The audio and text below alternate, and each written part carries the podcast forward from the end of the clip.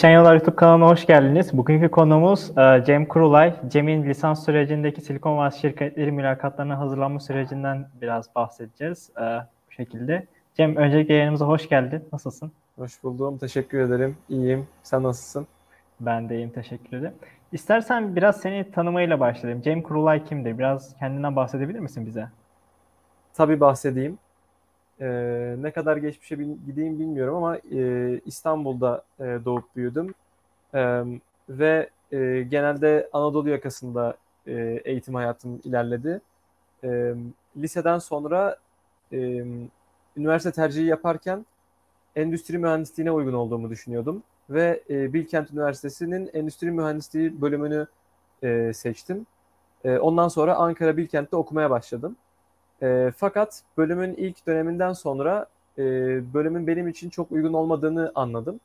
E, bu hem bölümün öğrettikleriyle alakalıydı hem de e, kendi e, hedeflerimle bölümün tam uyuşmadığını fark ettim.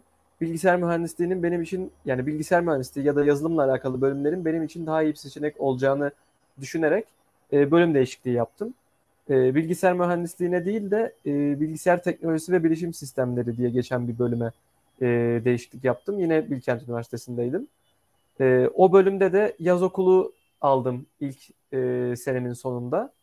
Ve o sayede tekrar 3-4 senede e, bölümü bitirme imkanı buldum.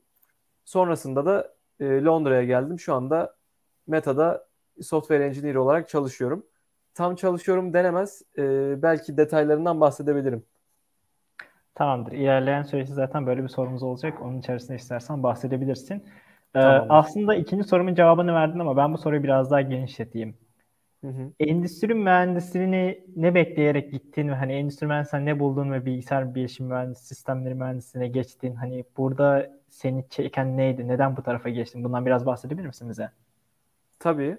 Ee, şimdi ben ben zaten lisedeyken e, çalışmalara başladığım zaman üniversite sınavı için benim kafamda hep yurt dışı hedefi vardı. Yani böyle e, işte Avrupa ülkeleri olur, işte İngiltere olur. E, o tarz ülkelere gidip oralarda çalışma isteğim vardı hep.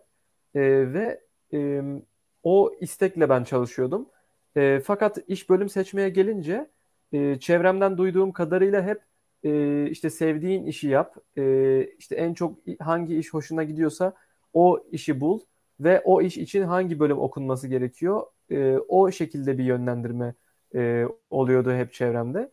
E, ben de o sayede e, internetten artık işte bölümlerle, işlerle alakalı araştırmalar yaptıkça diyordum ki e, ben optimizasyonu e, çok seviyorum. İşte e, uzun süreçleri kısaltmak, e, ne bileyim e, işte o mesela endüstri mühendisliğinin tanımlarına falan baktığım zaman şöyle bir şey vardı. İşte farklı farklı e, alanlardan e, bilgi sahibi olup bir alanda uzmanlaşmak yerine farklı alandaki bilgilerini kullanarak e, bir şeyler e, ortaya çıkarma, katma değer üretme gibi bir bakış açısıyla e, yazılmıştı internetteki bilgiler.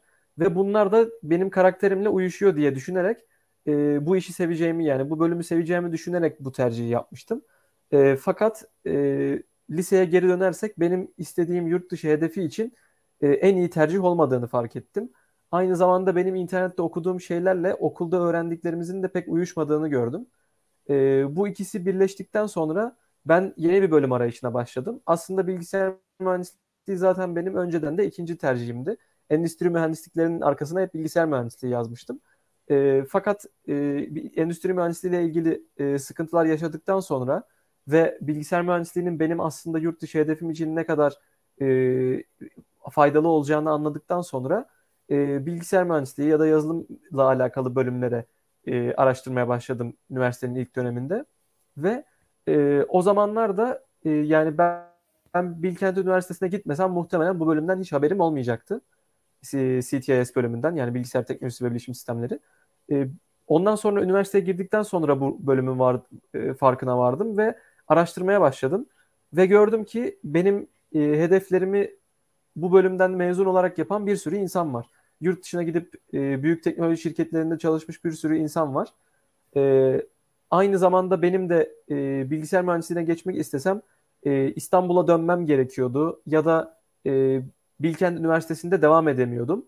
Fakat ben üniversiteyi de çok sevdiğim için Bilkent Üniversitesi'ni ve e, oradaki mezun ağına e, erişme imkanını e, kaybetmek istemediğim için e, Bilkent Üniversitesi'nden devam etmek istedim ve CTIS bölümü de bu anlamda hem benim e, yazılıma olan e, eğitimimi karşılayacaktı hem de Bilkent Üniversitesi'nde kalmamı sağlayacaktı.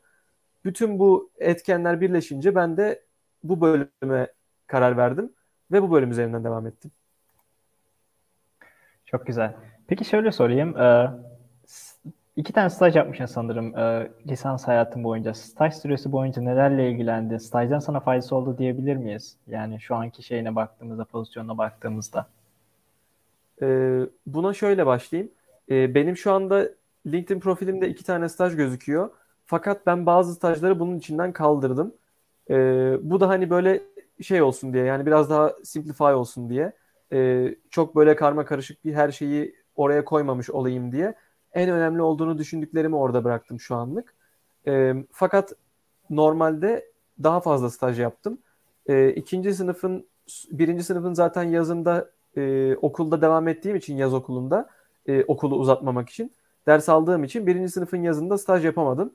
Fakat e, eğer şey yapmamış olsaydım, oku, okumuyor olsaydım e, kesinlikle staj yapmak isterdim. Faydası olduğunu düşünce, düşündüğüm için. E, ondan sonra ikinci sınıfın yazında yani ikinci sınıfın zaten ikinci döneminden staj arayışına başlamıştım. Sonra ikinci sınıfın e, yazında e, üç tane staj yaptım. Birinci yaptığım staj e, Microsoft'taydı. E, uzaktan çalışma e, olmuştu. Çünkü tam ko- korona dönemine geliyordu yanlış hatırlamıyorsam. O yüzden Microsoft'tan uzaktan çalışmayla bir staj yaptım. E, orada e, bu staj böyle resmi bir staj değildi. Fakat e, Microsoft'ta Microsoft Türkiye'ye çok fazla e, benim gibi öğrenci e, başvurmuş. Biz sizde staj yapmak istiyoruz diye. Onların da böyle bir staj e, durumu olmamasına rağmen, staj pozisyonu olmamasına rağmen e, oradaki mühendisler karar vermişler. Demişler ki biz bu öğrencileri e, isteklerinden mahrum bırakmayalım ve onlar için e, bir proje oluşturalım. Kendimiz de e, onlara aynı zamanda e, destek olalım. Hani takımdaki lider gibi e, işte ya da tecrübeli mühendis gibi onlara destek olalım, bir şeyler öğretelim demişler ve benim gibi dört tane öğrenciyi birleştirip bir proje atadılar. Biz de onun üzerine çalıştık. E, benim için çok faydalıydı çünkü ilk stajımdı. Hani okuldaki sadece yaptığımız projelerin dışında e, gerçekten bir yazılım projesi yapmak istediğimiz zaman e, yani asıl kullanılan teknolojiler, te, endüstri standartları nelerdir? Bunları görme fırsatım oldu. E, ve tabii ki de hani takım çalışması, kendinden daha tecrübeli mühendislerle birlikte çalışmak e, o konularda benim için hepsi bir ilk olduğu için çok faydalı oldu. Sonrasında TÜBİTAK'ta staj yaptım. E, TÜBİTAK'ın stajını, stajı da e, benim ikinci bizim bölümde ikinci sınıfın resmi stajı olması gerekiyordu. Yani ikinci sınıfın yazında staj yapmamızı istiyorlardı. Okula da bunun raporunu yazmamızı falan istiyorlardı. E, TÜBİTAK stajımı da o stajdan saydırdım. E, orada da e, full stack çalıştım. E, fakat orada biraz daha farklıydı. E, bir sürü e, stajyer vardı e, ve stajyerlere e, tek bir proje veriliyordu. Diyordu ki biz, siz bu projeyi hepiniz tek tek ayrı ayrı yapın diyordu. Yani bu da şu oluyor. E, bir alanda işte özelleşmiyorsunuz da e, bir uygulamayı frontendinden backendine, database'ine kadar hatta o uygulamanın mobil e, extension'ına kadar, mobil uygulamasına kadar nasıl yaparız? Hepsini birbirine nasıl bağlarız? E, onları kapsayan bir stajdı. E, bu da benim için çok faydalı oldu. Dediğim gibi yani bir uygulamanın e, web üzerinden işte backend sistemlerinden mobil uygulamasına kadar hepsi nasıl yapılıyor onları öğrenmiş oldum. Yine tecrübeli mühendisler vardı bize destek oldular. E, o da faydalı bir stajdı bir aylık. O bittikten sonra da e, Amerika'da e, startup'ı vardı Serdar abinin. E, bu işte dernekteki e, Selim abinin kardeşi. Onun startup'ı vardı. E, ben de o zamanlar DevPets bünyesinde olduğum için bu stajdan haberim oldu. Ve e, oraya başvurdum ve oradan devam ettim. E, o da yaklaşık bir ay sürdü. E, bütün stajlarım benim için e, çok faydası olduğunu düşünüyorum. E, bir kere bizim e, camiada yani software engineering alanında e, duyduğum kadarıyla imposter sindrom diye bir şey var. E, ve bu çok yaygın bir şey. Yani insanın kendine olan e, yazılım alanında kendine olan güvenini e, çabuk yitirmesine sebep olabiliyor ve potansiyelini açığa e, çıkarması çıkarmasına engel olabiliyor. E, bu yüzden bu stajları yapmak e, bu sendromu yenmeme yardımcı oldu. E, o yani sadece onun için bile stajlar faydalı oldu diyebilirim. Fakat onun yanında tabii ki de bir sürü teknoloji öğreniyorsunuz. Bunların hepsini özellikle mesela şu konuda sıkıntı yaşayan bir sürü arkadaşımı tanıyorum ki ben de öyleydim. E, ikinci sınıfta ilk defa staja başvuracağım ama CV'mde hiçbir şey yok, iş tecrübesi yok. E, bu da insanları böyle e, mutsuz edebiliyor ya da geriye düşürebiliyor ya da geriye düşmüş hissettirebiliyor. E, bu açıdan ilk fırsatta staj yapabilmek CV'ye bir şeyler e, yazmak açısından faydalı olduğu için CV dolu olunca e, başka yerlere de başvurduğunuz zaman önünüz daha çok açılıyor. Yani bu şekilde bir sürü faydası var. E, ki hani zaten işte 3. sınıftaki stajlarım da e, LinkedIn'de yazanlar. Onlar tabii ki de e, ilk kez yaptığım stajlara kıyasla hem kendimi daha çok geliştirdiğim için hem de yaptığım e, seçtiğim stajlarda biraz daha seçici olup daha çok böyle daha nasıl diyeyim production'a çıkacak ürünler yani son kullanıcının e, son kullanıcıya sunulacak ürünler üzerinde çalışmak istediğim için e, o şekilde Blue TV'nin e, direkt e, production'a çıkan koduna katkı yapmak aynı zamanda e, işte Greenbox şirketinde yine e, böyle belki de işte saniyede milyonlarca istek alan bir sistem üzerinde çalışmak e, bunlar tabii ki de daha da çok e, fayda sağladı. E, hem işte CV'ye de daha daha e, nasıl diyeyim impactful yani daha çok değer sağlayan bir şeyler yazabilmek e, CV'yi de güçlendirmeyi sağladı. Ondan sonraki başvurduğum şirketlerin de e, CV eleme kısmında bunların faydası olduğunu düşünüyorum. Yani kesinlikle bütün stajlarımdan fayda sağladığımı düşünüyorum. Fayda faydalandığımı düşünüyorum ve e, başka kişilere de kesinlikle öneririm staj yapmalarını. Güzel bir süreç geçirmişsin yaz dönemlerinde. Tebrik ederim. Evet. Ee, peki şey sorayım. Ya stajların haricinde ya baya baya staj yapmışsın. Okul haricinde bu mülakatları kazanmak için, hazırlanmak için nasıl bir yol izledin? Yani boş zamanlarında mı yaptın bu işi yoksa hani ben bu işe odaklanacağım deyip de oturup da böyle hani bir sene boyunca çalıştın. Nasıl bir plan yaptın? Kendine nasıl bir yol izledin? Bundan biraz bahseder misin? Tabii bahsedebilirim.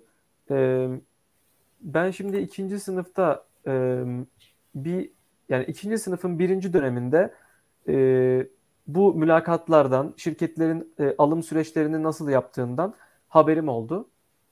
Fakat direkt yurt dışı odaklı değil, e, öncelikle Türkiye e, üzerinden bakıyordum. E, sonrasında e, bunları araştırmaya başlayınca tabii süreçler hakkında bilgi sahibi oldum. E, süreçlerde nelerdir? İşte önce CV'mizi göndereceğiz.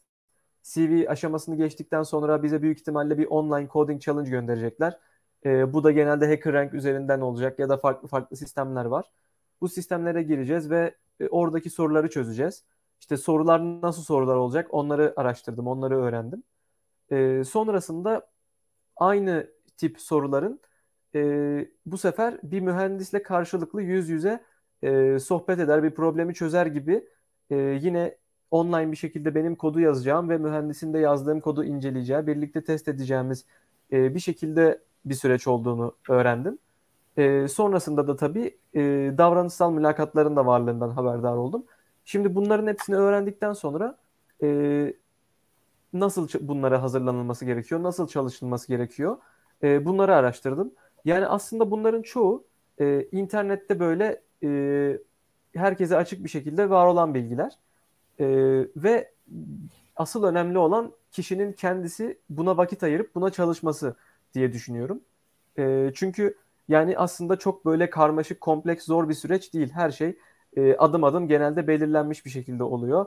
E, bunların haricinde standart sürecin dışında sadece sorulabilen sorular e, sizin CV'nize yazdığınız geçmiş tecrübelerinizle alakalı teknolojik detaylar içeren e, yine bu soruları da internette araştırdığınız zaman kolayca bulabileceğiniz sorular oluyor. E, bunlara ek olarak da şey olabiliyor. İşte okulda da gördüğümüz software engineering, design patterns gibi sorular sorulabiliyor. E, bunlara ben nasıl çalıştım? E, bir kere e, Inziva diye bir e, kuruluş vardı ve yani non-profit organization vardı ve ben e, oradan okul okul aracılığıyla haberdar oldum Ve 2020'de ikinci sınıfın e, sömestr tatilinde e, oraya başvurdum. Ve e, oradan kabul aldıktan sonra orada biraz aslında e, işin ciddiyetini kavradım. Yani soruların zorluğunun nereye erişebileceğini gördüm. E, bunlara gerçekten e, uzun uzun vakit ayırıp çalışarak e, sağlam bir temel oturtarak ilerlenebileceğini fark ettim. E, ve ondan sonra kendim çalışmaya başladım. Şimdi bir kere e, şöyle bir şey de var. Mesela bizim bölümde e, Data Structures and Algorithms derslerinde biz zaten aslında mülakatlara hazırlanma aşamasında gibi bir şey oluyorduk. Yani aynı zamanda hem okulda yazılımın temelleri eğitimini alıyoruz ama aynı zamanda bunlar mülakatlarda da çıkacak soruların temellerini oluşturuyor. O yüzden o derslere çok önem verdim. Bunlar ikinci sınıfın birinci ve ikinci dönemindeki derslerdi. O derslere çok önem verdim. Aynı zamanda ikinci sınıfın yazında stajlara başvuracağımı bildiğim için e, ve zaten sömestr tatilinde de e, bunların nasıl süreçler olduğunu, nasıl hazırlan, hazırlanılması gerektiğini öğrendiğim için o saatten sonra yapmam gereken tek şey okuldan ve e, kendime ayırdığım zamandan kalan zamanlarda e, soru çözerek pratik yapmak ve e, yine aynı şekilde davranışsal sor- sorular veya e, programlama dışındaki e, sözel olarak cevap verebileceğim sorular nelerdir internetten bunları araştırıp aynı zamanda onların cevaplarına bakmak veya cevaplarını kendi tecrübelerime kendi tecrübelerimi de yedirerek e, nasıl cevap verebilirim bunları düşünmek oldu. E, bunları da pratik yaptıktan sonra e, stajlara başvurduğum zaman gerçekten gördüm ki de, benim araştırdığım kısımla bana sordukları, mülakat yaptıkları kısım gerçekten çok uyuşuyor. Ve bu sayede e, mülakatları geçip staj tekliflerini alabilmiş oldum. Peki Cem bir şey soracağım. Ya bu mesela şey dedin ya işte data structures dersi aldım e, lisans dönemi boyunca işte birkaç tane ders aldım buna benzer dedin. Evet. Bunlar zaten mülakatları hazırlamış tarzında bir şey hani dedin yani. Bir tık mülakatları zaten hazırlıyorsunuz dedin. Hı hı. Chat'ten de benzer bir soru geldi aslında da e, o soruyla bütünleştirip de soracağım. Bilgisayar mühendisliği ve bilgisayar bilimleri tamam. bölümlerinde okumayan birisi e, sence bu mülakatlara nasıl hazırlanabilir? Veya işte bu mülakatlara hazırlanırken kendisi bir şeyler öğrenebilir mi dışarıdan yoksa illa bilgisayar bilimlerine gerek var mı? Çünkü chatte de benzer sorular var bu tarzda çok fazla. Ne düşünüyorsun bu konuda? Yani illa şart mı hani bilgisayar bilimleri okumak veya işte bu şeyden alandan ilerlemek için? Yani şimdi kendi tecrübem olmadığı için sadece fikirlerimi belirtebilirim bu konuda. Tabii, Öncelikle şunun üzerinden zaten. bir tekrar geçeyim. Hı hı. Öncelikle şunun üzerinden tekrar geçeyim. Ee, bahsettiğim e, üniversitedeki dersler e, sizi direkt mülakatlara hazırlamıyor. Fakat temelinizi oluşturuyor. Yani e, onun üzerine koyarak ilerlemeniz konusunda yardımcı oluyor bu dersler. Yani o dersleri o yüzden boşlanmaması gerektiğini düşündüğüm için onları özellikle belirtmek istedim. E, soruya gelecek olursak e, bana kalırsa e, bilgisayar mühendisliği okumak şart değil. Zaten e, araştırdığınız zaman görürsünüz ki sektörde gerçekten çok fazla bilgisayar mühendisliği e, bölümünden mezun olmamış, kendisi öğrenerek e, sektörde kendine e, yer edinmiş bir sürü mühendis var. E, ve bu insanlar sadece sektörde kendine bir yer edinmiş insanlar değil, çok başarılı olan insanlar da var bunların içinde. E, yurt dışına gidenler de var. E, ve yani bilgisayar mühendisliği okum, okumuş insanlardan neredeyse e, hiçbir eksiği olmayıp fazlası olan bir sürü insan da var. Yani bunların hepsinin tamamen kişiyle alakalı olduğunu düşünüyorum. Eğer gerçekten e, in, insanda motivasyon varsa o zaman bence e, çok rahat bir şekilde e, eğer yani zaman da varsa rahat bir şekilde e, bütün yani herhangi bir şirkete girmek için gereken bütün bilgi birikiminin bilgisayar mühendisliği bölümünü okumadan da elde edilebileceğini düşünüyorum. E, çünkü genelde e, bu bilgilerin hepsi belki daha fazlası internette herkese açık bir şekilde var olan bilgiler. Ya örnek veriyorum e, MIT'nin bilgisayar mühendisliği derslerinin neredeyse tamamı YouTube'dan izlenebiliyor. Hem şu anda olanlar canlı bir şekilde yayınlanıyor. Hem geçmişe dönük derslerin hepsi internette var. E, ve egzersizler, ödevler bunların da hepsi internet üzerinde var. Yani bunlara çalışıldığı takdirde e, hepsinin başarılı başarılabileceğini düşünüyorum. O yüzden bence bu büyük bir sorun değil. Sadece farklı bir bölüm okunursa o tabii ki de e, kişinin büyük bir zamanının büyük bir kısmını o da alacak. O yüzden hepsine birden zaman ayırmak gerekebilir. E, bu da yani sonunda burnout olmamak için çok güzel bir plan yapmayı gerektirebilir. Fakat bunlar yapıldığı takdirde başarılı olunacaktır diye düşünüyorum. Yani kısacası hani imkansız değil ama zorlamanız lazım kendinizi. Çok fazla bir şeylerden feragat etmeniz lazım ki hani bu alanda ilerleyebilirsiniz diyorsun kısacası. Yani şöyle e, aynı zamanda başka işlerle de meşgul olunması gerekiyorsa o zaman evet e, insanı zorlayabilir ve bazı şeylerden ödün vermek gerekebilir. Ancak e, işte başka bir şey yoksa mesela çalışma veya okuma gibi e, hayatınızda da dahil olan başka bir zamanınızın büyük bir kısmını alan bir iş yoksa o zaman bence normal bir e, eforla halledilebilecek bir şey. Anladım. Teşekkürler. Chat'ten şöyle bir soru gelmiş. Sen bayağı erken başlamışsın bu olaylara. Bayağı hani toparlamışsın, birdenbire işe girişmişsin, staj mı derken bütün işi gayet güzel şekilde toparlayıp işin içinden çıkmışsın. Chat'te şöyle bir soru var. Mülakatlara hazırlanmaya başlamak için 4. sınıf çok geç mi? Ya şöyle sorayım hani bazı insanlar böyle şey oluyor. 3 senesinin boyunca böyle hani ha böyle şey böyle sallayarak geçiriyor. İşte sosyal etkinliklere katılıyor. Oraya gidiyor, buraya gidiyor, şuraya gidiyor. Mezuniyet yaklaştıktan sonra bir panik basıyor insanlar. Ne yapsam ne etsem diye. Bu insanlar ve bu hani bu tarz insanlar için veya pişman olan insanlar için mülakatlara hazırlanmaya başlamak için 4 sınıf geçmeye ne düşünüyorsun bu konuda? E, bence geç değil. Şimdi nedeni de şu şekilde. E, insanlar üzerinde mezun olur olmaz işe girmek için baskı hissedebilir. Fakat bu e, bir zorunluluk değil. Yani dördüncü sınıfı bırakın mezun olmak bile geç değil. Neden? E, çünkü yani bu süreç e, senelerinizi alacak bir süreç değil benim görüşüm. E, eğer gerçekten böyle harıl harıl çalışılırsa 3-4 ayda e, normal bir çalışma temposuyla iler, ilerlenirse 6 ayda e, halledilebilecek bir süreç olduğunu düşünüyorum.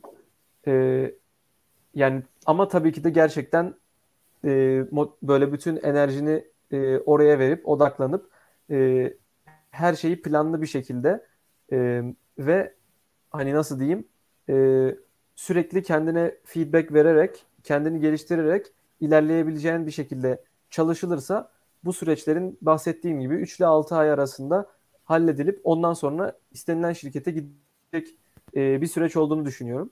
E, mülakatlara hazırlanmanın yani bu kadar e, sürede tamamlanabileceğini düşünüyorum. O yüzden e, dördüncü sınıf da geç değil, mezun olmak da geç değil.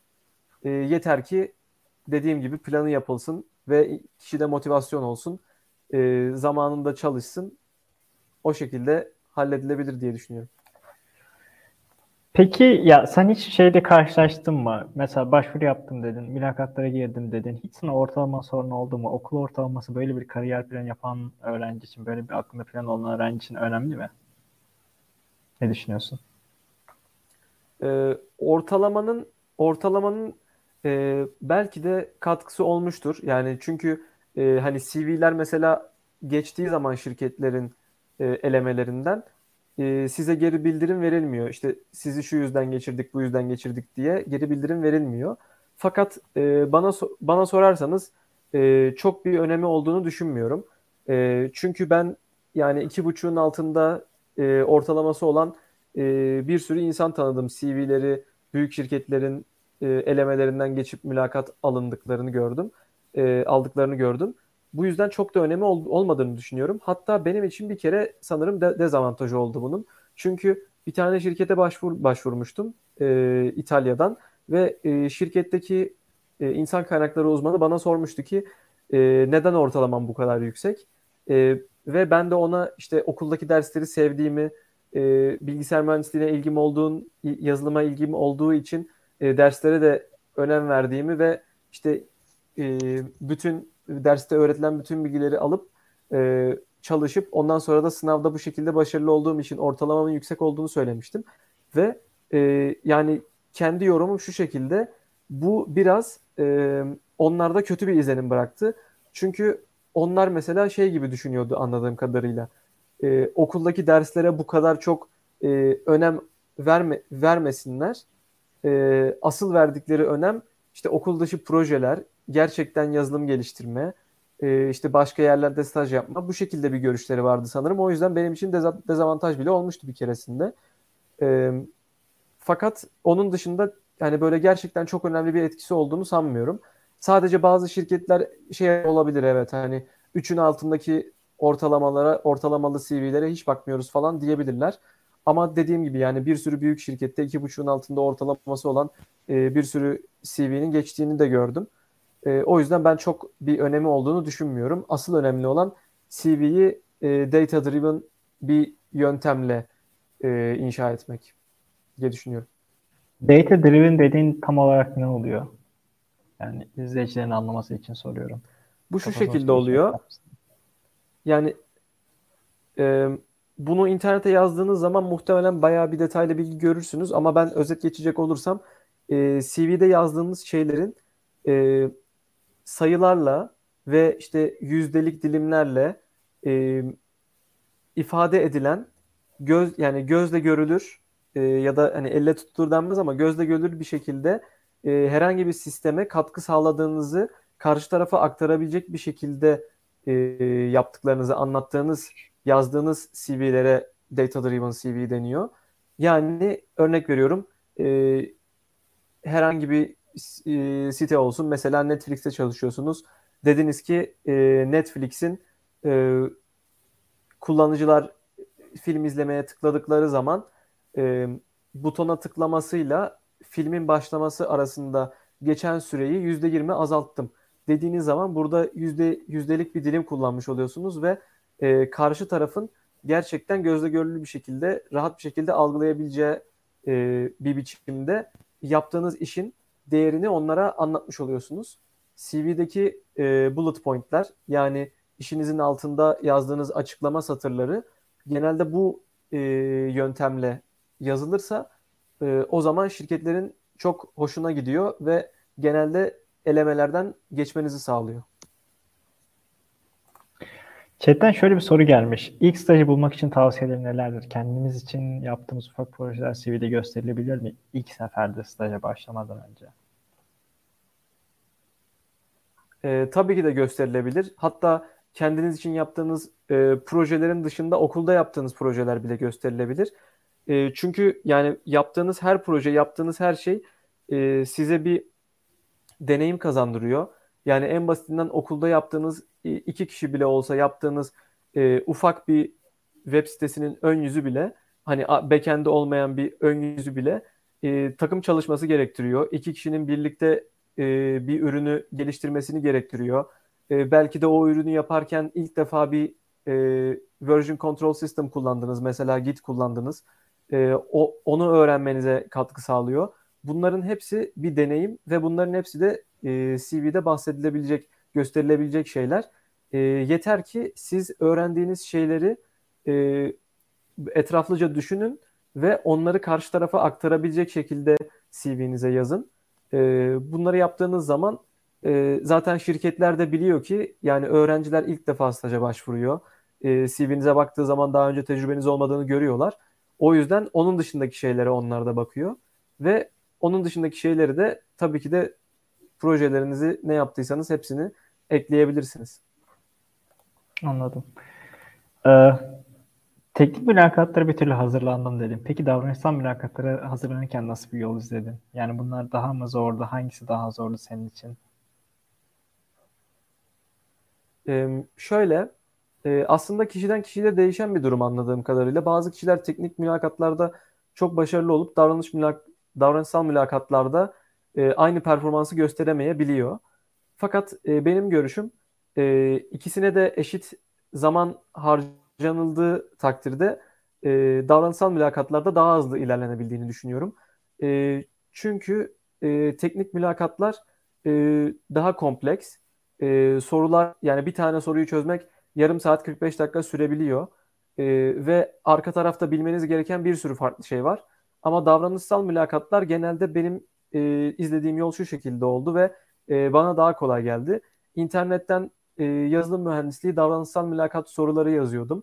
Ondan sonra en popüler, en çok sorulan sorulara bakıyordum. Bunun hatta bazı sorular LinkedIn'de bile olabiliyor. Yani LinkedIn'in kendisi davranışsal mülakatlarda sorulan sorular nelerdir tarzı e, sayfaları var. E, oradan da sorulara bakıp kendim cevaplamaya çalıştığım zamanlar olduğunu hatırlıyorum.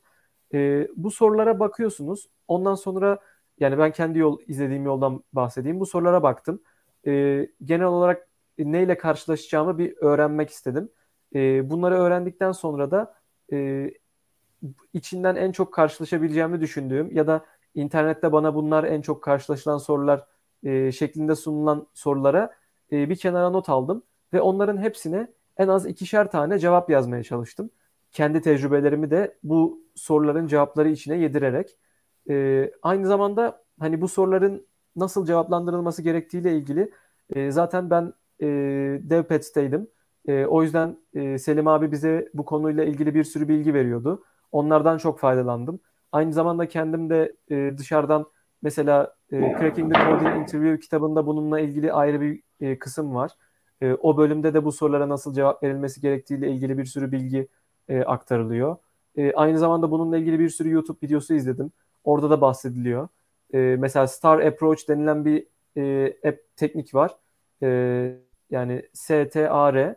E, bu şekilde mesela soruların cevaplandırılması gerektiği birçok yerde bahsediliyordu. Şimdi tam detaylarını hatırlamıyorum üzerinden çok zaman geçtiği için ama internetten kısa bir e, aramayla ne olduğu kolay bir şekilde bulunabilir. E, bunların da hepsini öğrendikten sonra zaten dediğim gibi kendi tecrübelerimi yedirerek cevaplandırmaya çalışınca bunların hepsini not edince onların artık üzerinden geçmeye başladım. Okumaya başladım onları tekrar tekrar veya vakit buldukça yeni sorulara bakmaya başladım. E, bu şekilde bir süreç izledim ve bu sürecin sonunda artık e, şu hale geliyorsun. Yani sana benzer bir soruldu, soru sorulduğu zaman kendi tecrübelerini farklı farklı soruları cevaplandırırken kullandığın için artık senin tecrübelerinin hangi alanlarda sana faydası olduğunu ve e, sana ve sorulan sorularda o tecrübelerini nasıl kullanabileceğini kafanda artık şekillendirmiş oluyorsun. Yani hali hazırda yapman gereken tek şey ha evet bu soruyu şu tecrübemdeki e, şu olayı anlatarak cevaplandırabilirim e, diye düşünüyorsun hemen ve aktarmaya başlıyorsun karşındaki kişiye. E, benim bu şekilde izlediğim yol e, bana çok faydalı oldu diyebilirim yani.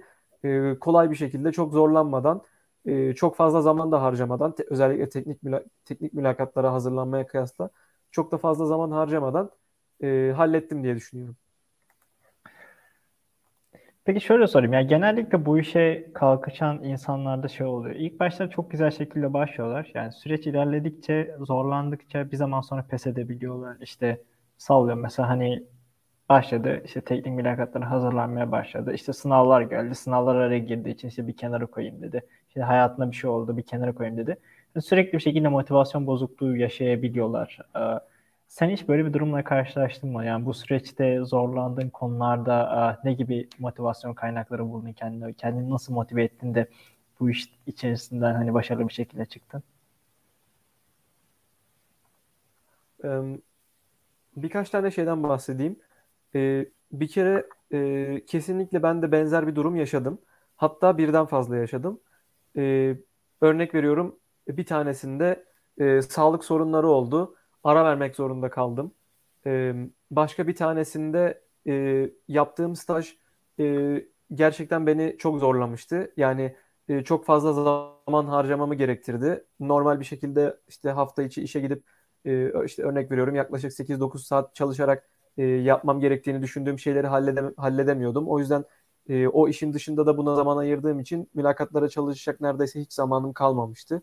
E, başka bir tane durumda e, direkt hayatımdaki yapmam gereken bir sürü farklı şey e, beni burnout olmama neden olmuştu. Yani artık e, resmen böyle ekrana bakıyordum. Yapmam gereken iş karşımda ama beynim çalışmıyordu yani. O yüzden e, bırakmak zorunda kaldım. E, bu tarz e, durumlar yaşadım ve ara vermek zorunda kaldım. E, fakat bu durumda şöyle bir şey oluyor. Yani eğer motivasyonunuz varsa ee, ya ki hani bu da çok açıklanabilecek bir şey değil. Yani kendimden örnek vermek gerekirse benim zaten hani yaklaşık 6 sene öncesine dayanan bir motivasyonum var. Yurt, e, ben diyordum ki kendime yurt dışına gitmek istiyorum. Ee, oradaki büyük şirketlerde çalışmak istiyorum ve e, onu uzun bir süre devam ettirebildim yani gerçekten başarana kadar. E, bu şekilde insanın iç motivasyonuna sahip olması gerektiğini düşünüyorum. Çünkü mesela benim de hazırlanma sürecimde e, arkadaşlarımdan gördüğüm bazı şeyler vardı. Mesela işte motivasyon videoları izleyip e, böyle tabiri caizse gaza gelip işte bir süre çalışmak gibi şeyler mesela yapılabiliyordu. E, fakat bunlar e, bu gibi bir süreçte çok faydalı olmaz diye düşünüyorum. Çünkü bahsettiğim gibi en az 3-4 ay süre, süre, süreceğini düşündüğüm bir süreç ve yani 3-4 ay kendi iç motivasyonunuz yoksa e, bir hedefiniz yoksa o zaman bu kadar uzun süre e, çalışabileceğiniz bir şey değil diye düşünüyorum. E, burada o yüzden en, en önemli faktör iç motivasyonunuz. E, ve onun dışında tamamen her şey bu motivasyona bağlı olduğu için e, dışa, dış faktörler sizi çalışmaktan alıkoysa da ya da işte kendi yaşadığım gibi sağlık sorunları olsa da başka şeyler olsa da e, işte farklı şeylere vakit harcamaktan e, bir süre her şeye ara vermeniz gerekse de e, yani kafanızın bir köşesinde e, hedefleriniz olduktan sonra o iç motivasyonunuz olduktan sonra kendinizi toparladığınız zaman bu işe geri dönüyorsunuz ve yani ben öyle yaşa öyle tecrübe ettim. E, o yüzden benim için e, şey genelde sorun olmadı. E, artık çalışamıyorum. E, ben pes edeyim gibi bir durum olmadı. Sadece zorlandığınız zamanlarda ara vermek gerekiyor. Yani bu her konuda böyle. Sürekli sürekli bir şeyler yapılmayabiliyor. Başka sıkıntılar çıkıyor. Ara vermek gerekebiliyor. E, o yüzden yani motivasyonunuz olduğu sürece e, yapmaya devam edebiliyorsunuz. Bunun içinde şu şekilde örnek verebilirim.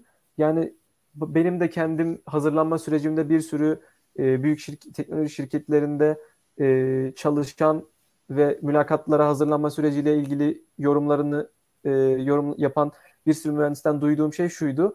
Bu süreç biraz da üniversite sınavına hazırlanma sürecine benziyor. Yapmanız gereken şeyler belli ve e, genelde çok zor değiller. Eğer size söyleneni yaparsanız çoğunlukla başarılı oluyorsunuz. Fakat tek gereken şey bunu gerçekten uzun bir süre devam ettirebilmek. Orada yapılan şeyler neyse aslında burada da tamamen aynı e, psikolojik süreçleri uygulayarak e, ya da ne bileyim sizi motive edecek e, kaynakları e, kullanarak e, süreci tamamladığınız zaman çözülüyor yani bütün sorunlar. Ya bir türlü motive ettim kendimi. Yani eğer amacım buysa hani sana herhangi bir rüzgar engel olamaz diyorsun. İlla gidersin yolunda diyorsun kısacası. Evet yani sadece vakti uzatabilir, erteleyebilir ama temelli bir engel olmaz yani evet. Aynen anladım. Şimdi bizim tarafa gelelim. Ee, biraz DPS'ten bahsedelim. DPS programı sana neler kattı? Biraz DPS deneyimlerinden bahseder misin? DPS'e girmeden neydin? Çıktıktan sonra ne oldun? Bahsedeyim tabii ki de.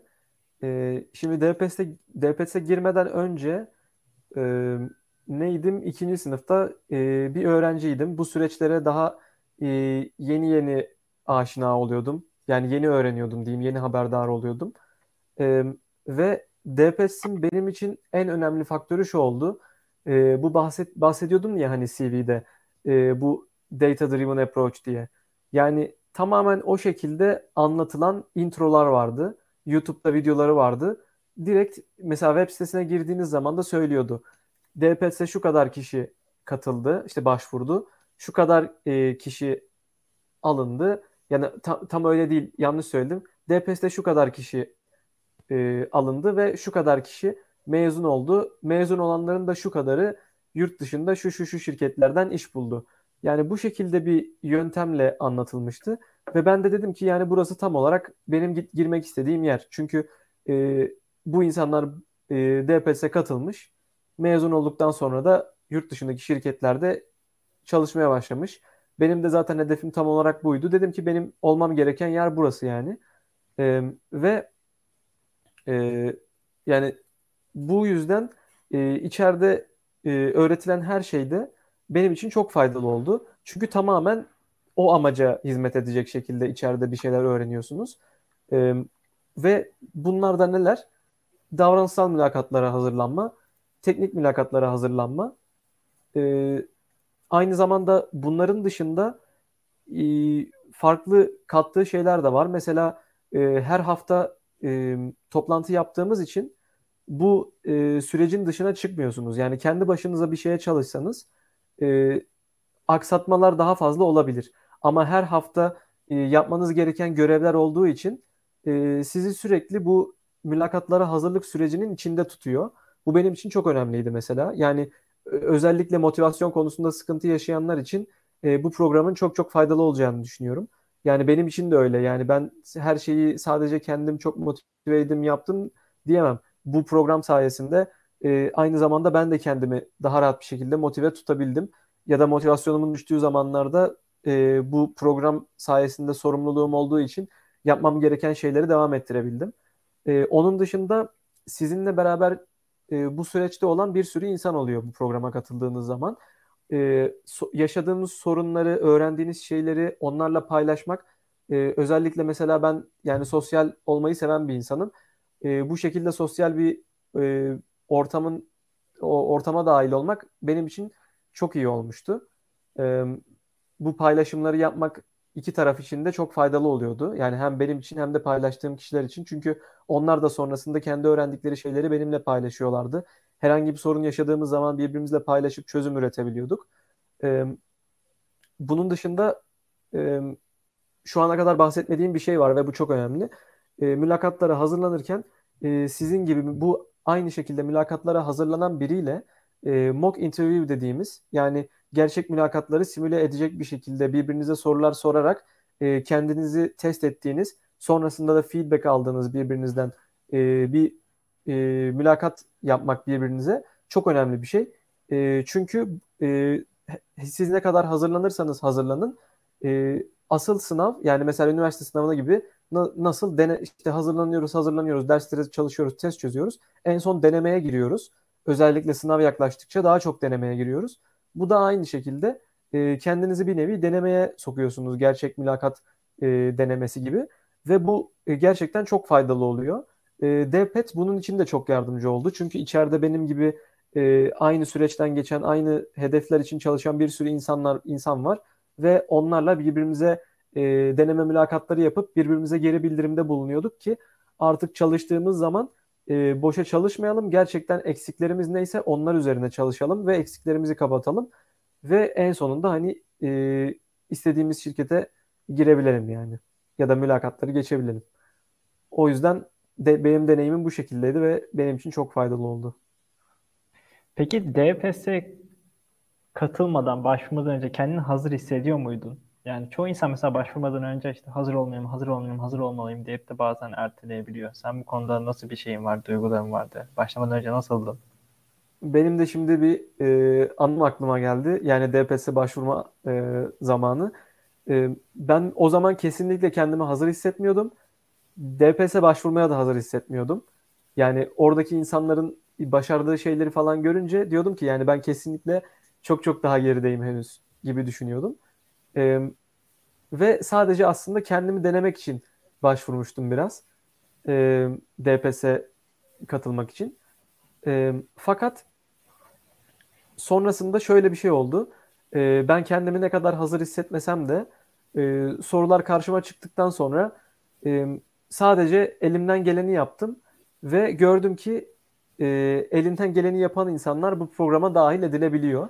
Çünkü hani an, e, onlar da biliyor ki e, insanlar bu programa hazır olduğu için değil, hazır olmak için başvuruyor ve e, bu insan, burada başvurmak e, başvurmak isteyen kişilerin e, bir hedefi olması lazım ve bu süreçlere azıcık da olsa aşina olması lazım ki e, kendi başına e, bir şeyler yapmış olsun. Ama bu programda onları tamamen hazır hale getirsin. O yüzden aslında başvurana kadar ben bunun farkında değildim fakat başvurduktan sonra öğrendim. E, ve yani başvuracak insanlar için de şimdiden söyleyeyim yani kendinizi hazır hissetmek için bir şey beklemeyin. E, her fırsatta başvurun. E, olmazsa da e, yani eğer hedefiniz buysa kesinlikle olacağına inanıyorum. E, benim tecrübelerim bu şekildeydi başvururken. Hazır olma konusunda yani. Anladım. Peki Cem, e, DPS'e hazır olma ya tam olarak şey yapmışsın. Bir türlü başvurmuşsun. Hani kendini biraz geri çekmişsin ama sonrasında bir cesaret alıp başvurmuşsun. Peki Hı-hı. iş başvurularında e, nasıl bir süreç izledin? Yani bu işe ben başvurmalıyım deyip de kendini hazır hissettiğinde mi başvurdum? Yoksa hani tamam bir türlü kendimi denemem lazım, girmem lazım deyip de direkt başvurdum mu? Yani hazır hissediyor muydun kendi iş başvurularından önce? Bu başvuru sürecinden işte biraz o maceralardan biraz bahsedebilir misin izleyicilerimize? Tabii. Ee, şimdi iş başvurusu dediğimiz e, için sadece mezun olduktan sonraki e, yani mezun olduktan sonra tam zamanlı iş başvurularımdan mı bahsedeyim yoksa işte örnek veriyorum 3. sınıfta da yurt dışında stajlara başvurmuştum. Onlardan da bahsedeyim mi? Yani ilk baş aslında ağırlıklı olarak 3. sınıftakilerden bahsedersin iyi olur. Çünkü hani konumuz lisans sürecinde e, mülakatlara hazırlanmak tarzında. Sonrasında diğerinden de bahsedebilirsin kısa bir şekilde. Şöyle yani 4. sınıfta başvurduklarım da sonuçta şeydi. Hala tamam, okuyordum. Ya. Mezun ol, olmamıştım henüz. Yani okurken hala başvurmaya devam ediyordum. İkisinden de bahsedeyim. Ee, tamam. Üçüncü sınıftakilerden önce bahsedeyim. Ee, üçüncü sınıfta DPS'te belli bir süre geçirmiştim. Ee, ve kendim de hani belli bir süre e, hazırlanıyordum. E, o zamanlar şimdi yurt dışına başvurulara biraz daha yeniydim. E, o yüzden böyle e, DPS'ten öğrendiğim şekilde bir şeyleri uygulamaya çalışıyordum. Yani işte şirketlerin e, belli zamanlar aralıklarında pozisyonları açtığını öğrendim. İşte kendimi e, ne zaman hazır hissederim? İşte örnek veriyorum yarım saat içinde bir lead code medium sorusunu rahat bir şekilde çözebiliyor muyum? Mesela o aşamaya kendimi getirmeye çalışıyordum ki şirketlere başvurayım diye. Fakat şunun da farkındaydım.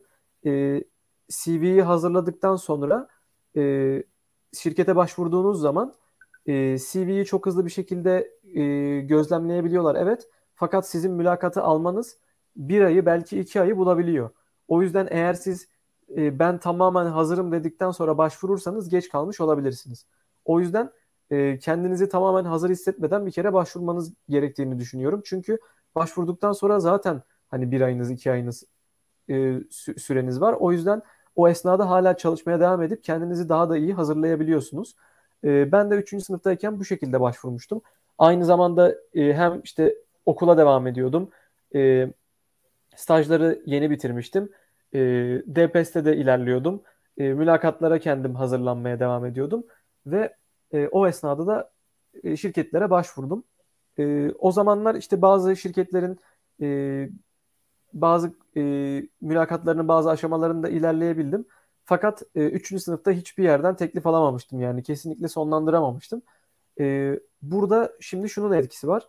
E, ben aslında kendim yeterince hazır değildim. Yani gerçekten e, teklifi alacak kadar hazır değildim. E, yeterince çalışmamıştım.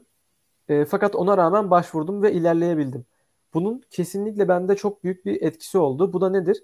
E, dördüncü sınıfta başvurduğum, başvuracağım zaman artık biliyordum ki ben bu kadar çalışmayla buraya gelebiliyorum e, ve şirketlerin mülakatlarında korkulacak bir şey yok. Bizim gerçekten e, yaptığımız deneme mülakatlarındakiyle çok benzer şekilde işliyor süreçler. E, ve mülakatlara baş, iş, işlere başvurduktan sonra şöyle de bir güzel avantajı var. E, artık deneme değil gerçek iş mülakatlarına başvurduğunuz için e, tamamen ne beklentileri ne oluyor? Siz eğer e, aşamaların herhangi bir kısmında elenirseniz nerede hata yaptınız, eksikleriniz neler bunları e, tamamen kusursuz bir şekilde görebiliyorsunuz. Hatta bazı şirketler sizin feedback istemenize bile imkan tanıyor. E, diyorsunuz ki ben nerede hata yaptım, nasıl elendim? E, size geri dönüş yapıyorlar ve bu sayede onların geri bildirimiyle artık son tam zamanlı işe başvuracağınız zaman daha da hazır hale geliyorsunuz. Ya da hazır hale demeyeyim de eksiklerinizin tam olarak ne olduğunu, neler üzerine çalışırsanız bu işi halledebileceğinizi, tamamlayabileceğinizi görebiliyorsunuz. E, bu şekilde 3. sınıf deneyimim oldu. 4. sınıfta da zaten artık e, dediğim gibi eksiklerimin ne olduğunu biliyordum. Ne kadar çalışmam gerektiğinin farkına varmıştım. Ve süreçlerin nasıl işlediğini biliyordum. Ve diyordum ki evet zaten ben önceden şu aşamalara kadar geldim. Şimdi o aşamalardan sonrasına geçme vakti.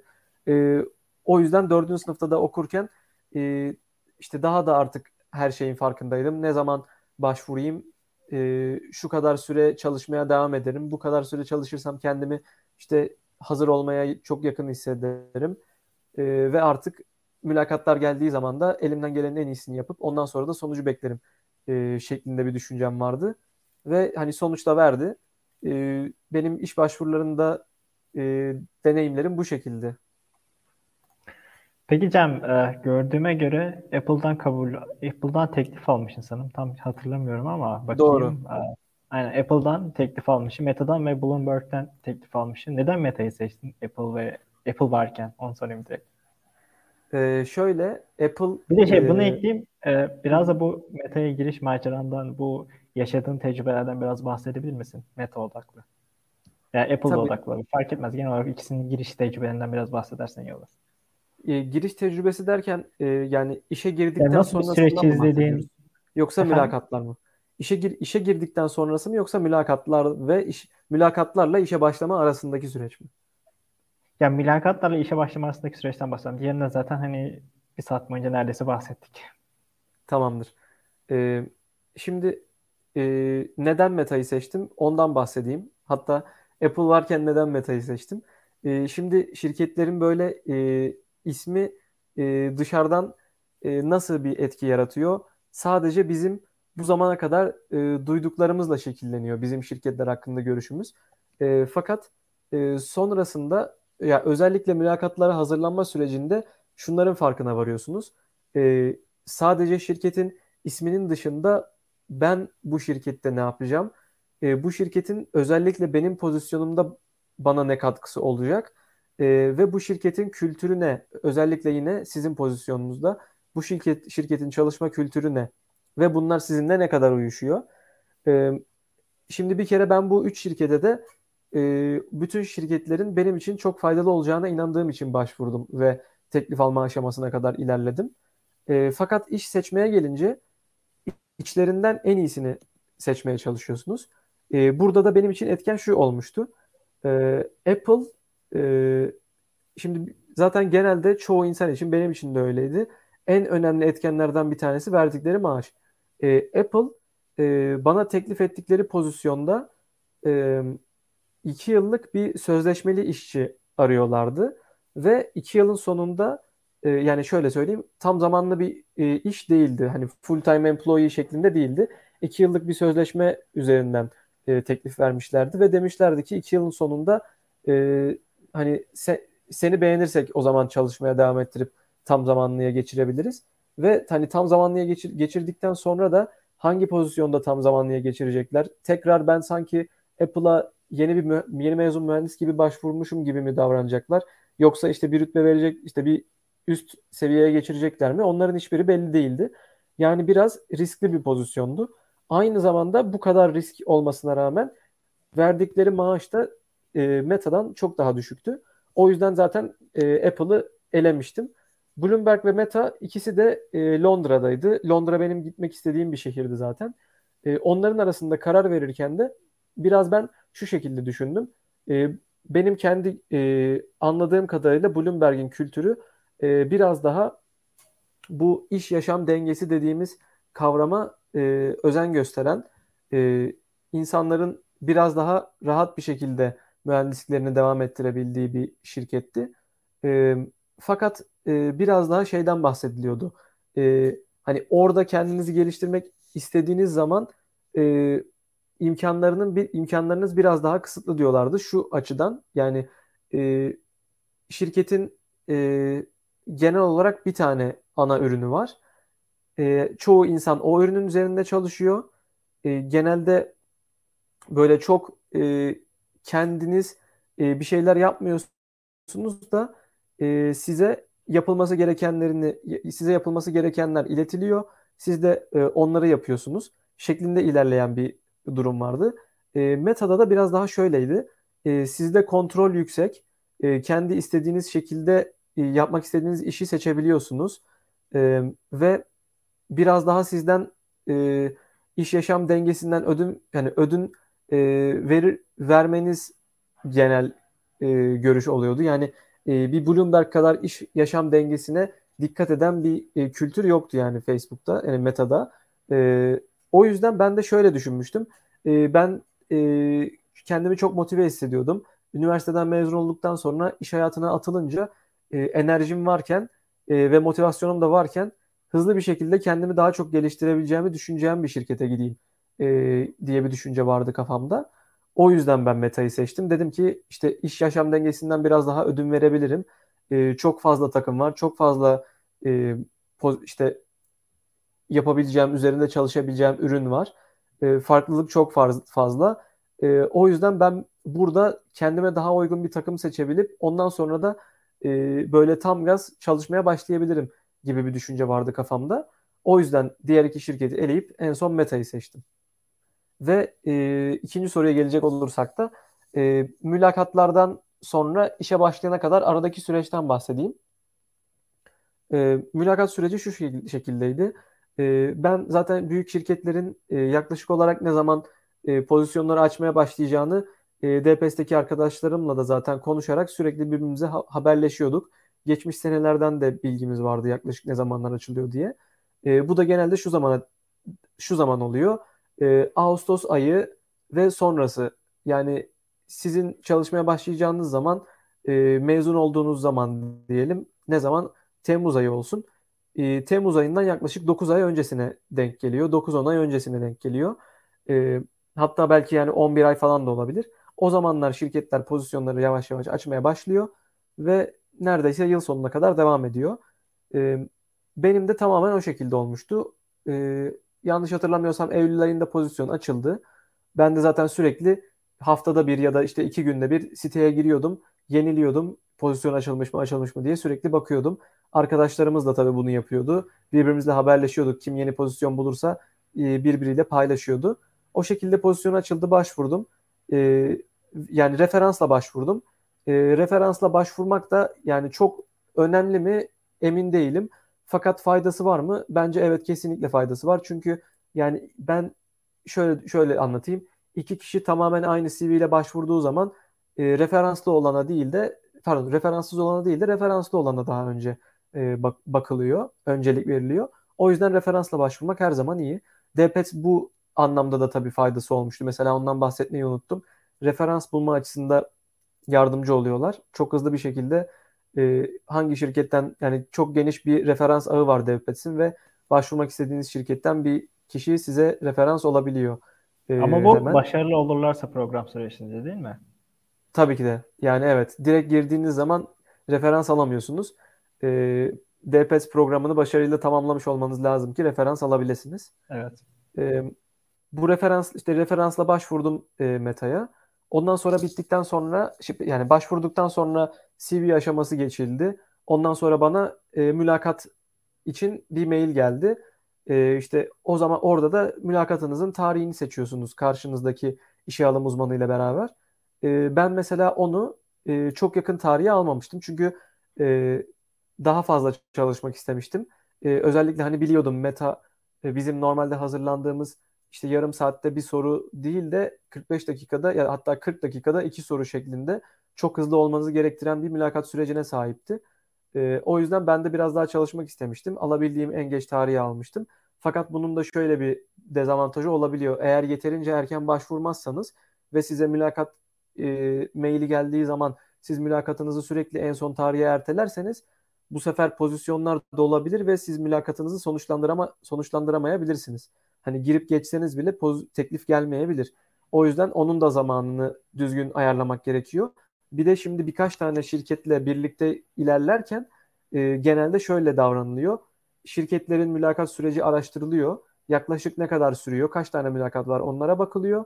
Ondan sonra hepsini yaklaşık e, aynı hafta içinde ya da aynı iki hafta içinde yani en iyi ihtimalle hepsinin teklifini aynı zamanda e, alım alınca alacak şekilde denk getirmeye çalışılıyor. Bu da şu yüzden şirketler size en son teklif yaptıktan sonra kısıtlı bir süre veriyorlar ve diyorlar ki bu süre içinde bize geri dönmen lazım. Siz de bu süre içinde e, teklifleri e, etraflıca değerlendirmek istiyorsanız bütün teklifleri aynı zaman dilimi içinde almanız lazım ki sizin de düşünmek için yeterince zamanınız olsun. E, neyse geri dönecek olursak e, ben işte ertele, erteledim mülakatı. Ondan sonra yani ertelemedim de yani belli bir zaman seçtim ileri bir tarih. Ondan sonra mülakat hazırlıklarına devam ettim. Ondan sonra zamanı geldiği zaman mülakata girdim. Ee, ve hani tamamen araştırdığım, duyduğum, beklediğim şekilde bir mülakattı. Ee, ilk mülakatta açıkçası biraz zorlanmıştım. Ee, hani geçer miyim geçmez miyim emin değildim. Ee, fakat duyduğum doğru çıktı. İlk mülakatta biraz daha e, yani çok böyle katı davranmıyorlarmış. Potansiyel gördüğü, gördükleri zaman sizi mülakatta bir sonraki adıma alıyorlar ve ondan sonra o adımda tekrar değerlendiriyorlarmış. E, benimki benim için de bu şekilde oldu. İlk mülakat sadece kodlamadan ibaretti. e, yine dediğim gibi 40 dakika 2 soru beklentisi vardı. O mülakat bittikten sonra bir sonraki mülakat için mail geldi. E, o mülakatta bir, bir sonraki mülakat dediğim aslında on-site diye geçiyor. Bu on-site mülakatlarda aslında sizin final e, mülakatlarınızdan oluşuyor. Bu genelde bir gün içinde birden fazla mülakatı kapsıyor. E, bu on-site mülakatlarında da e, yine ben bir tarih seçtim. E, bu tabii son mülakat olduğunu bildiğim için diğer görüştüğüm şirketlerle de aynı zamana denk getirmeye çalıştım. E, ondan sonra bu mülakatın e, içeriği de e, ilk girdiğim mülakat şekil mülakatla aynı şekilde 40 dakikada iki tane e, yani yaklaşık medium seviyesinde soru. Ondan sonra e, tekrar bir 45 dakikalık mülakat. Bu mülakatta da e, davranışsal mülakattan ibaret oluyordu. 40 dakika boyunca karşınızda e, tecrübeli bir mühendis size davranışsal sorular soruyor. Yani sorular ufak teknik detaylar da içerebiliyor ve siz de kendi tecrübelerinizden bu sorulara cevap veriyorsunuz. Ondan sonra üçüncü ve son mülakat aynı gün içinde. Yine e, ilk iki mülakat gibi e, 40 dakikada e, algoritma soruları çözmeniz bekleniyor. Ondan sonra da teklifi alıyorsunuz. E, bütün bu bahsettiğim on-site mülakatları da yine benim araştırdığım kadarıyla e, tamamen beklediğim bir şekilde gerçekleşti. Ondan sonra o mülakatlar da sonuçlandıktan sonra teklif verildi. Ondan sonra da en son ben kabul ettim. Sonrası zaten e, tamamen keyifli evrak işleri. Çok güzel bir süreç geçirmişsin. Peki Londra'da hayat nasıl gidiyor? Meta'yı sevdin mi? Yeni bir maceralara yelken açma planın var mı? Şöyle, e, zaten geleli iki ay oldu. E, Londra'yı sevdim. Daha önce de bir kere gelmiştim ve e, çok hoşuma gitmişti. E, o yüzden şu anda sevmeye devam ediyorum yani. Güzel bir şehir. E, gelmek isteyen varsa yani öneririm. E, buradaki şirketlere başvurmanızı öneririm. E, e, yeni bir macera şu anda düşünmüyorum. Fakat her an düşünebilirim. E, o yani bunlar tamamen e, şirket içinde e, kişinin kendinin ne kadar iyi hissettiğine bağlı, e, ne kadar çalıştığından aldığı verime bağlı. E, benim için durum şu anda şöyle. E, bu şirkete Meta'ya girdiğiniz zaman e, eğer pre-allocated değilseniz yani başvur, başvurmadan önce eğer takımınız belli değilse ki benim durumum da öyleydi ve çoğu insanın da durumu bu şekilde oluyor. Özellikle yeni mezunsanız ve e, software engineer olarak başvuruyorsanız takımınız önceden belli olmuyor. E, girdikten sonra bir bootcamp süreci var. Yaklaşık 8 hafta sürüyor normalde. Bu e, 6-8 hafta içinde hem şirkete onboard olmuş oluyorsunuz. E, yani şirketin kültürünü tanıyorsunuz. İşte şirket içindeki bütün sistemlere neredeyse alışmaya çalışıyorsunuz. Aynı zamanda takımlarla görüşüp içinden bir takım seçiyorsunuz ve seçtiğiniz takımda çalışmaya başlıyorsunuz bu süreç sonun, sonunda. Fakat benim için e, şu anda durum farklı. E, bunlar tamamen farklı sebeplerden ötürü e, şirket şu anda bir e, bootcamp'ten mezun olup takıma girme süreçlerini dondurdu. O yüzden ben bootcamp'te şu an devam ediyorum. E, fakat genel olarak e, keyifli ve iyi geçiyor diyebilirim. Güzel. Ya benim sorularım bu şekildeydi. Başka da sorun var mı bakıyorum. Yok kalmamış. Senin var, vereceğin bir öneri varsa özellikle şunu yapın tarzında bu uh, lisans okurken Silikon Vadisi şirketleri mülakatlarına hazırlanmak konusu çerçevesi içerisinde verebilirsin. Yoksa yavaştan yayını kapatacağım. Sorusu olan varsa chatten de sorabilir. Yani bir biraz bekleyebilirim. Var tamam. bir tavsiye? Ee, benim verebileceğim kendim için en faydalı olduğunu düşündüğüm e, tavsiye şu olur. E, çalışırken yani sü- mülakat süreçlerine hazırlanırken e, her zaman kendinize geri bildirim vermeye çalışın. E, yani şu şekilde örnek vereyim. Mesela diyelim ki teknik mülakatları hazırlanıyorsunuz. E, girdiniz, herhangi bir siteden herhangi bir soruyu buldunuz ve onu çözmeye çalışıyorsunuz e, mümkün olduğunca e, bir şeyler öğrenmeye çalışın o sorudan. Yani soruyu çözerken e, kendi kendinize konuşun. Sanki karşınızda bir mühendis varmış gibi bunu anlatmaya çalışın. Soruyu çözerken süre tutun. Kendinizi kısıtlayın. Gerçek mülakatı olabildiğince simüle etmeye çalışın. E, ve bütün bunları yaparken aktif bir şekilde düşünün. Ben bunu doğru yapıyor muyum? Yoksa yanlış yaptığım şeyler var mı? Ve her zaman eksiklerinizi kapatmaya çalışın. E, bunlar benim için çok faydalı olmuştu. Bunlardan bahsetmiş olayım. Başka diyebileceğim bir şey yok. Bayağı bir konudan bahsettik zaten. Tamamdır. Chat'ten son bir tane soru gelmiş. Onu sorayım. Biraz tamam. şey e, detaylı bir soru ama on-site sürecinde bize almak için yardımcı oluyorlar mı acaba tarzında bir soru. On-site sürecinde bize almak için yardımcı oluyorlar mı? Ee, evet şirketlerin çoğu e, yani on-site sürecinde değil on-site sürecinden sonra on-site süreci bittikten sonra teklifi alırsanız vize almak için yardımcı oluyorlar. Bu da çok daha önceden belli olmuş oluyor zaten. Hatta bazı pozisyonlara başvururken görüyorsunuz. E, size soruyorlar e, vize sponsorship'ine ihtiyacınız var mı diye. Yani size vize sponsoru olmamız için e, olmamız gerekiyor mu diye soruyorlar. E, çoğu şirketin o başvuru ekranına gelmeden önce bile ilanında yazıyor bu pozisyon e, vizeye sponsor ol, ol, oluyordur veya olmuyordur diye. Yani bu pozisyon için vizeye sponsor olunuyor olunmuyor diye bazı şirketler yazıyor. E, yine e, bir sürü insandan e, insana danışarak şirketler hakkında bilgi alabilirsiniz. Bu pozisyona e, başvuracağım ama işte vize vizeye sponsor oluyorlar mı olmuyorlar mı diye. E, ya da bazı şirketler mesela genelde şöyle yapıyor. Siz başvuruyorsunuz. Ondan sonra sizi CV elemesinden sonra bir online kod işte coding challenge atarlar veya atmadan önce bile bazen sizi bir işe alım uzmanıyla görüştürüyorlar. Bir ufak bir telefon konuşması yaptırıyorlar. O esnada da zaten sorabilirsiniz. Bunlar o yüzden çok önceden belli oluyor. Ee, en sonunda bütün sizin mülakatlar mülakat süreciniz bittikten sonra da hani gerisi sadece parkta yürümek gibi oluyor. Yani bu vize alma süreçlerinin hepsi çok basit bir şekilde şirketler sizin için her şeyi ayarlamış oluyor arka planda. Ee, sizin için de sadece keyifli, rahat bir süreç oluyor. Yani bir zorluk çekmiyorsunuz genel olarak. Son dakikalarda biraz soru yağmaya başladı. İstersen sen bir suyunu iç. Bir şey yap. Birkaç tane daha soru var. Tabii tabii alabiliriz.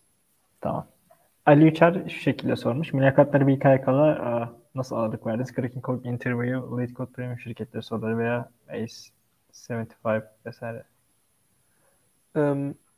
Benim için bu 75 soru yani en son bahsedilen 75 soru çok faydalı olmuştu. Özellikle son aşamalarda Cracking the Coding Interview'ı tamamen bıraktım diyebilirim.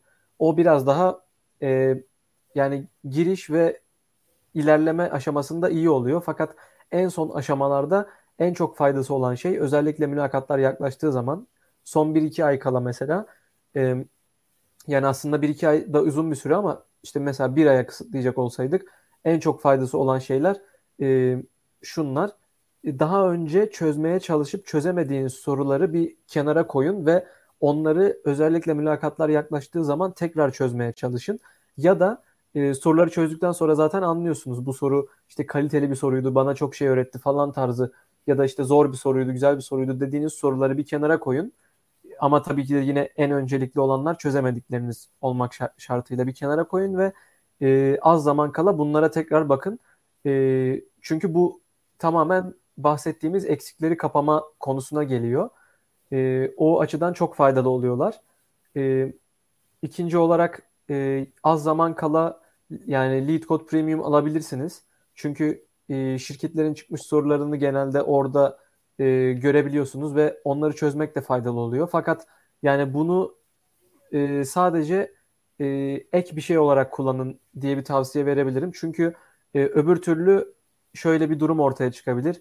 Ben zaten bu şirketin sorduğu soruları buradan görebiliyorum. Sadece onlara çalışayım. Hatta daha ileri gidip ben bunları ezberleyeyim ve onları yapayım. O şekilde şirkete gireyim gibi bir bakış açısına sebep olabilir. E, kesinlikle öyle düşünmeyin. E, genel olarak e, soruları çözebiliyor hale gelin. Yani o yüzden onu sadece yanda bir ek olarak kullanabilirsiniz az zamanınız kaldığı zaman. E, bu şekilde bir de şundan da bahsedeyim kesinlikle. Az zaman kala en çok ağırlık e, verilmesini tavsiye ettiğim şey e, mock interview olur. Çünkü bahsettiğimiz gibi yani sınava az zaman kala e, işte üniversite sınavına az zaman kala deneme çözmek nasılsa burada da gerçek mülakata az zaman kala e, mock interview yapmak aynı şekilde en çok faydalı olduğunu düşündüğüm şey. Teşekkürler. Bayağı da uzun sürdü. Bir saat 10 dakika olmuş. Seni bayağı yorduk. Bayağı da zamanını aldık. Sorun yok, sorun yok. Tamam, çok iyi. Ya Ali Rıza sürekli bir e, soru sordu ama ya başta bir iki tane soru sordu. Aslında o sorunun cevabını verdik başta Ali Rıza. İstersen tekrardan yine izle yayının başından beri. E, bilmiyorum. Yani cevabını bulacaksın illaki. İngilizcenin çok açılık çok akıcı olmaması bir problem mi demiş Ali Uçar önceki sorusuna ek olarak. Ee, çok akıcı olmaması bir problem değil. Maksat e, yeterince akıcı olsun ki e, çünkü hani sizin için süre kısıtı var ve e, karşı taraftaki mühendise bütün düşüncelerinizi neyi neden yaptığınızı aktarmaya çalışıyorsunuz. E, keza o da size soru sorabiliyor. Yani bu soruları anlayacak seviyede olması gerekiyor ve sizin de yaptığınız her şeyi e, kodu yazarken işte komentleri ekleme konusunda işte düzgün İngilizce komentler ekleyebiliyor olmanız lazım. Size sorulan sorulara akıcı bir şekilde cevap veriyor olmanız lazım. E, yani size verilen süre dahilinde e, karşıdakinin dediklerini anlayıp kendi düşüncelerinizi de anlatabilecek kadar e, İngilizceniz varsa yeterli olur. Çok da böyle akıcı olmasına e, gerek yok yani. Hani mükemmel bir seviyede olmasına gerek yok. Okey. Aliza yine bir soru daha sormuş.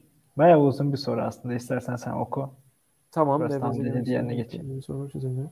Referans fakat nefeslerinden sonra, sonra mülakatının iş başvurusu yaptığında iş içerisinde neler yapılıyor?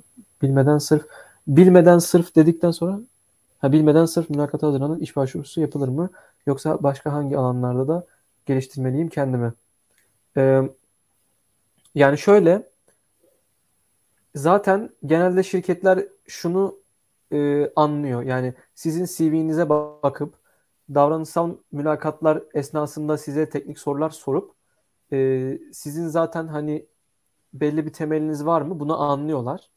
Bunun dışında zaten yapılan teknik mülakatların e, içeriğinin hazırlandığımız şekilde olmasının sebebi şu. Şirketler diyor ki bu kişi bu soruları çözebiliyorsa biz bunun CV'sini yani biz bu kişinin CV'sini beğeniyorsak e, ona sorduğumuz davranışsal mülakat sorularını yapabiliyorsa o zaman bu kişi zaten bu iş için yeterince kalifiye bir insandır e, veya kalifiye değilse de yani kalifiye ama kalifiye şu, şu anda değilse de şirkete girdikten sonra çok çabuk bir şekilde bu işi e, yeterince verimli bir şekilde yapabilmek için e, gereken bütün bilgiyi çok kısa bir şekilde hızlıca öğrenip e, verimli bir hale gelebilecektir diye düşünüyorlar.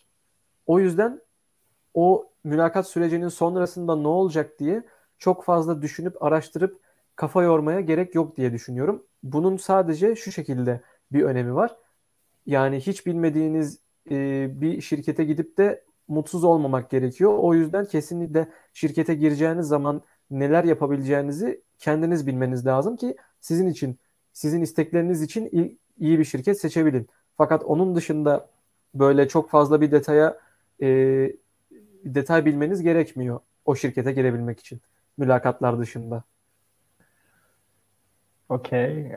sanırım bu son soru olsun artık. Çünkü bayağı uzattık uh, yayını. DFS maksimum verim almak için ne tavsiye edersiniz? Der. Yani maksimum verim almak için e, bir kere zaten işte haftalık işte yapılması gereken şeyler oluyor. Onları yapmak gerekir. E, onun dışında e, yani şöyle bir şöyle bir platform diyeyim Depet. Siz ne kadar proaktif olursanız o kadar verim alabilirsiniz. Yani sadece size e, söyleneni yaparsanız yine tabii ki de şirketlere girmek için yeterli olur. Fakat siz daha fazla verim almak istiyorsanız e, işte soru mesela çözdüğünüz sorularla ilgili takıldığınız yerler olur. Onların hepsini not alın ve e, DPS'in chatinden yazın. E, oradan işte diğer arkadaşlarınızla mesela tartışıp çözüm bulmaya çalışın. E, mesela diyelim ki işte ben şu anda tam hatırlamıyorum ne kadar oluyordu ama diyelim ki haftada bir tane karşılıklı mülakat yapılmanız isteniyor. Siz daha fazla mülakat yapın. Daha çabuk, daha çok tecrübe edinin e, ve e, aklınızda daha fazla soru oluşursa onları sormak için daha çok zamanınız olsun. Yani e, işte mesela diyelim ki DPS'te ilerledikçe sizin e, öğrenmek istediğiniz baş, bazı bazı şey, farklı farklı şeyler olacak e, ve onları sormak isteyeceksiniz. Az zamanınız kalmışken bunları o, o zaman dilimine sıkıştırmak yerine daha çok çalışırsanız daha çok soruyu daha erken e, daha çok soruyu daha erken sorarsanız O zaman hem sorularınızın cevaplanması için daha çok zaman olur hem de sizin o cevaplardan öğrendiğiniz bilgileri işleyip onları kullanarak daha verimli bir şekilde çalışmanız için daha çok zamanınız olur. O yüzden yani e, vaktiniz oldukça çalışın yani. Anladım. Ya bu şekildeydi. Başka bir soru yok sanırım. Yavaştan kapatalım. Tamamdır. Çok teşekkürler Can. Çok yani bayağı konuşturdum seni bu yayında. Yani bayağı Rica bayağı ederim. şey yaptım. Yordum. Yok estağfurullah. Teşekkürler. Yani Ee, umarım bu haftaki yardımım dokunur. ya açıkçası bence çok yani yardım dokunacağını düşünüyorum. Yani baştan sonuca süreci hani güzel bir şekilde özetledin. Kendi tecrübelerinden bahsettin. Gayet değerli tavsiyeler verdin. Güzeldi yani. Benim açımdan. Chatten de şey gelmiş. Teşekkür ederim. Çok güzel bir yayındı demiş Ali. Ali'nin bayağı sorusunu cevapladık zaten. Yani Rica ederim. Ya bu hafta e, bu şekildeydi yayınımız. Haftaya da bir tane daha yine yazılım konulu bir yayınımız var. Onu da kaçırmayın. Yine pazar günü saat 8'de yayınlarımız bu şekilde devam edecek. Yeni bir plana giriyoruz. Bir hafta yazılım konulu, yazılım temalı, hani yurt dışında çalışma temalı yazılım mühendisi olarak. Bir haftada genel kategoride yayınlar yapmaya çalışıyoruz. Yani genel kategorideki yayınları da izleyebilirsiniz. Hem farklı alanlarda, farklı şeylerde ilerlemek istiyorsanız size yol açıcı e, yayınlar yapmaya çalışıyoruz, yol gösterici yayınlar yapmaya çalışıyoruz. Kısacası geçen yolları takipte kalın. Haftaya görüşmek üzere. İyi haftalar. Thank you